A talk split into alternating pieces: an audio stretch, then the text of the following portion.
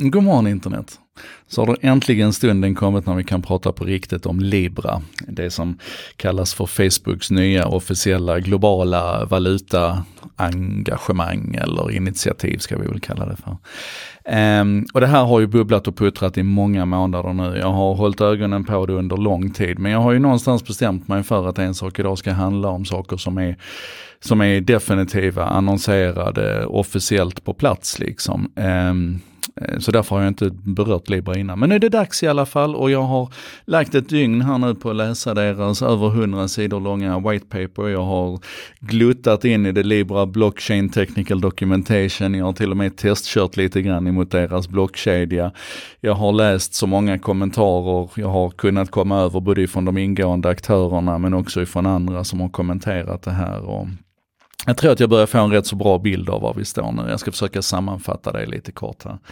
Det första jag kan säga det är väl att det här, ur mitt perspektiv i alla fall, det förefaller vara en sån här win-win-win som behövs för att det här faktiskt ska kunna slå och bli någonting. Det är eh, det kan, om det blir som det är tänkt, så kan det vara väldigt bra för både konsumenterna, för leverantörerna och naturligtvis också för de aktörer som står bakom det här. Det kommer lite mer om, mer om det sen. Men jag måste också börja med att förklara vad det inte är för någonting, för det finns ett par missuppfattningar. Och den första är egentligen att det här är inte en bitcoin-variant, alltså det är inte en investeringsvaluta som man kan spekulera i och kanske framförallt så här i klimattider, den är inte energikrävande på det viset som bitcoin är. Det är baserat på blockchain men det har ingenting med bitcoins miningprinciper att göra. Så det finns liksom ingenting som säger att det här ska dra en massa energi utan allting verkar tvärtom peka mot att det, att det faktiskt är ett väldigt klimatsmart alternativ. Det där kommer vi att se mycket mer om sen.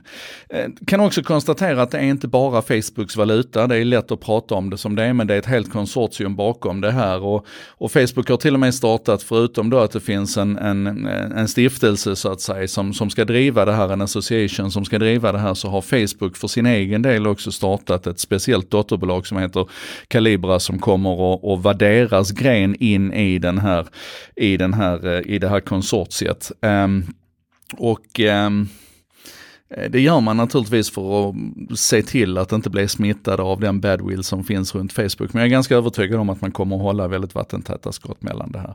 Och det tredje som är viktigt att konstatera redan nu, det är att det här är ingenting än. Och det finns ingen anledning för dig att, att hetsa och stressa här nu. Det är klart att du ska hålla ögonen på det här och se till att, att över tid lära dig mer om detta. Men det kommer inte hända någonting på allvar förrän mitten av 2020.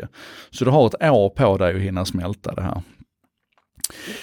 Om jag då ska försöka definiera vad det här är för någonting så kan man börja med att säga att ja, det är en betallösning. Du, du kommer förmodligen personligen att komma i kontakt med den genom att den kommer att vara inbäddad i Facebook Messenger och WhatsApp. Det kommer också startas och, och, och kickas igång en fristående applikation som du kan använda som en plånbok, som en wallet i din, i din mobiltelefon. Och som sagt, för Facebooks del då så startar man det här i ett speciellt dotterbolag som heter Calibra.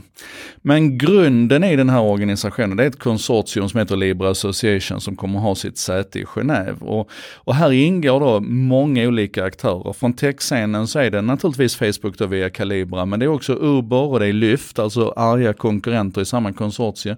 Spotify finns med och det ska vi kanske se lite grann varför de kan tänkas finnas med här, kommer till det sen.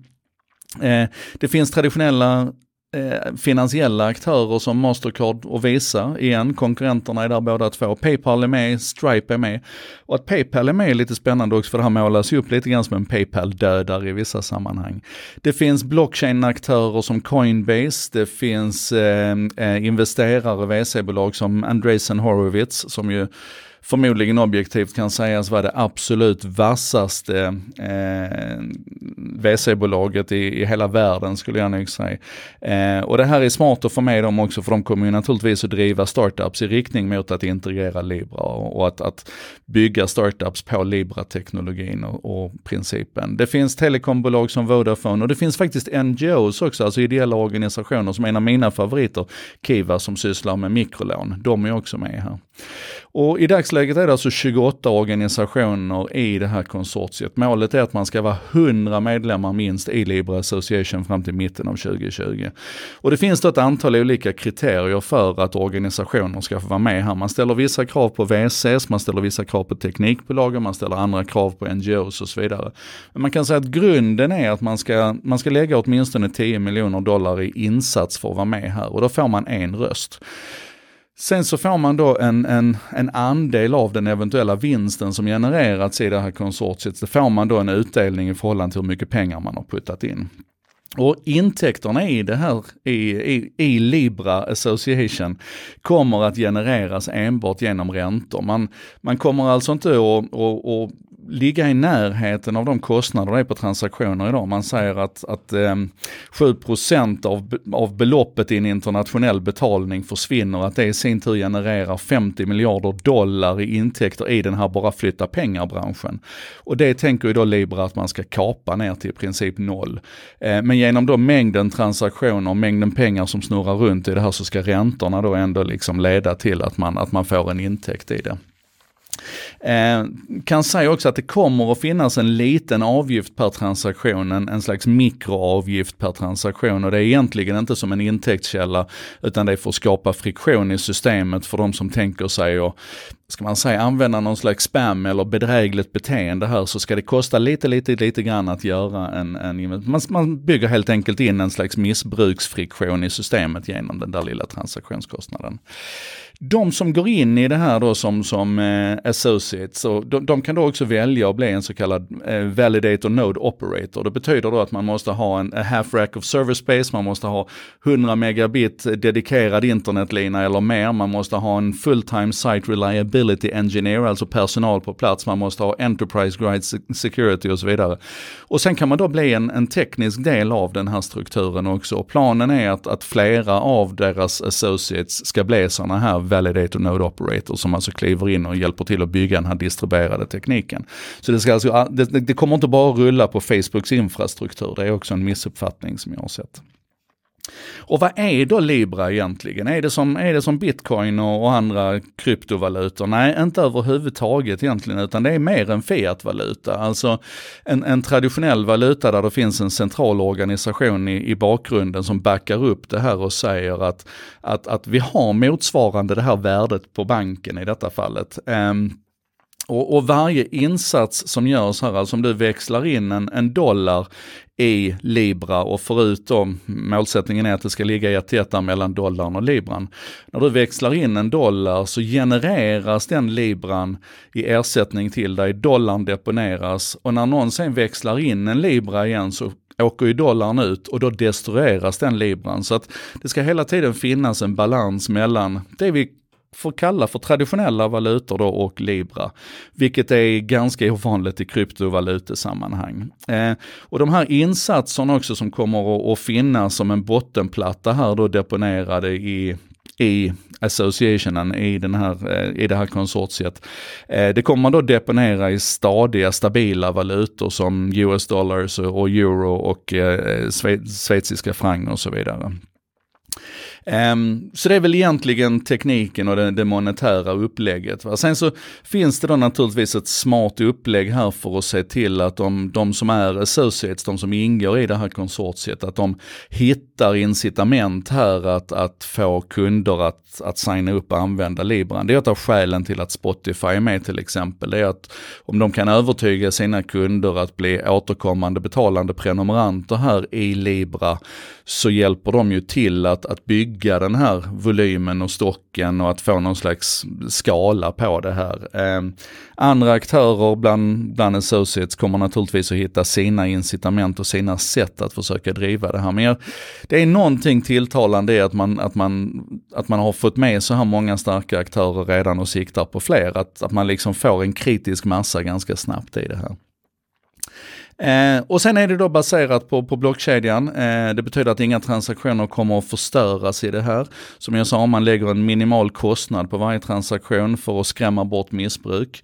Eh, jag har tittat mycket på den tekniska designen. Den är, den är väldigt detaljerat beskriven kan man säga och det är svårt att inte bli imponerad av den. Eh, allting som beskrivs är, är open source baserat. Eh, det, det är Apache-licenser och så vidare. Eh, från krypto-communityt har det kommit lite kritik för att den är permissions-based kan man säga. Så upplägget i sitt första skede i alla fall bygger på att man släpper bara in noder i systemet som man har validerat och autentiserat, vilket gör att det blir inte lika fullt ut distribuerat som, som man normalt sett vill på blockkedjan. Men det säger ju då Facebooks ingenjörer som har designat det här systemet att det beror bara på att vi idag inte har hittat ett tillräckligt säkert sätt att göra det här fullt ut distribuerat. Men att det är en målsättning att man ska göra det på sikt. Ehm, det finns ett, ett programmeringsspråk kopplat till det här som heter Move som också håller på att utvecklas nu. Det är en, en öppen design i det här där vem som helst kommer egentligen kunna skriva applikationer som inte interagerar mot Libra. Och det har ju då förts fram en del kritik mot det, berättigat tror jag, att det finns ingenting här som säkrar att vi inte får filutvecklare som kommer att göra filapplikationer som hittar på dumheter här. Utan det kommer väl att få bygga helt enkelt på att, att vi bara interagerar med de aktörer som vi redan litar på. Åtminstone initialt så får vi se om det kommer någon slags App Store med validerade appar för, för Libra så småningom. Eh, och den här prototypen för blockkedjan den är alltså in action redan nu. Eh, den är live och den kommer att ligga live i beta fram till mitten av 2020 när man då switchar över till skarpt läge istället kan man säga. Eh, gå gärna och titta på det, det ligger på developers.libra.org.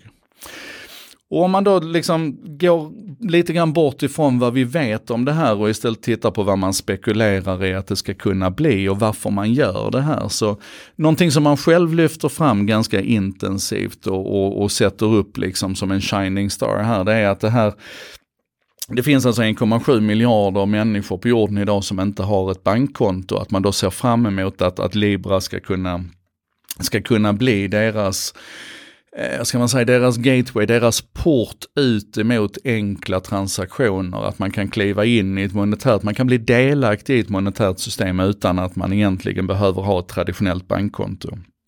Och i det här ligger ju naturligtvis också den, den hälften av mänskligheten som än så länge inte har någon internetuppkoppling. Att när de då flyttar ut på internet så ser man ju fram emot att, att det kan finnas ett, ett, ett betalningssystem där, ett, ett monetärt system som alla egentligen kan ansluta till i samma ögonblick som man kliver online. Det är naturligtvis en lockelse i det. Det är också ganska klart att det här kommer att vara ett sätt för aktörerna att tjäna pengar. Man tror ju att de här ränteinkomsterna kommer att vara betydande. Men jag tror framförallt egentligen att man ser som aktör här att det här kommer att vara en verktygslåda för att arbeta med lojalitet på olika sätt och nu har ju Facebook sagt att de kommer att dra en hård gräns här mellan liksom sociala interaktioner och monetära transaktioner. Men det är ju naturligtvis någonting som är, är, öppet för ett avtal längre fram. Jag kan ju välja att avtala med någon aktör att de kan få insyn i mina, i mina betalningstransaktioner mot att jag får någonting tillbaka ifrån dem. Så att här kommer vi ju se en, en, en fantastisk utveckling tror jag.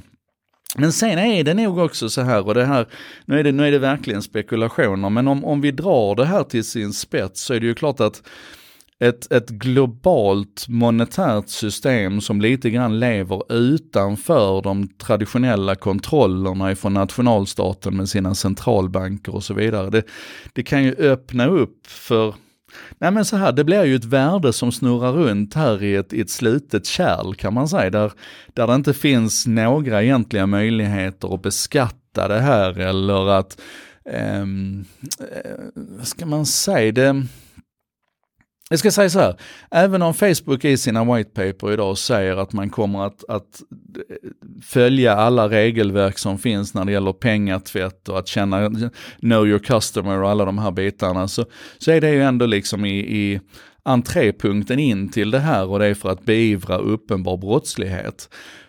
Men det är ju också någonting spännande som händer när vi lägger ett monetärt system utanför den traditionella kontrollen. Jag tror att vi bara har börjat skrapa på ytan lite grann på vad det där kan, vad det där kan komma att betyda för till exempel nationalstaternas existens. I alla fall, vad blev det här nu? 14 minuter har jag pratat redan. Jag hade en ambition att göra det under 10. Det sprack ju. Det betyder att på LinkedIn så blir det en, en, eh, en YouTube-länk istället. Jag ber om ursäkt för det. Um, vi håller ögonen på Libra, vi håller ögonen på Calibra, vi håller ögonen på vad alla de andra deltagarna i det här konsortiet säger om detta. Vi håller ögonen på hur det utvecklas med nya deltagare efterhand. Vi håller ögonen på alla alla som skriker fara och färde här nu och försöker värdera deras kritik på ett vettigt sätt och sådär. Men det här är sjukt spännande. Det är nog faktiskt det mest spännande som har hänt hittills 2019. Och det vill ju inte säga lite. Det här var en sak idag med mig Joakim Jardenberg. Vi ses imorgon igen.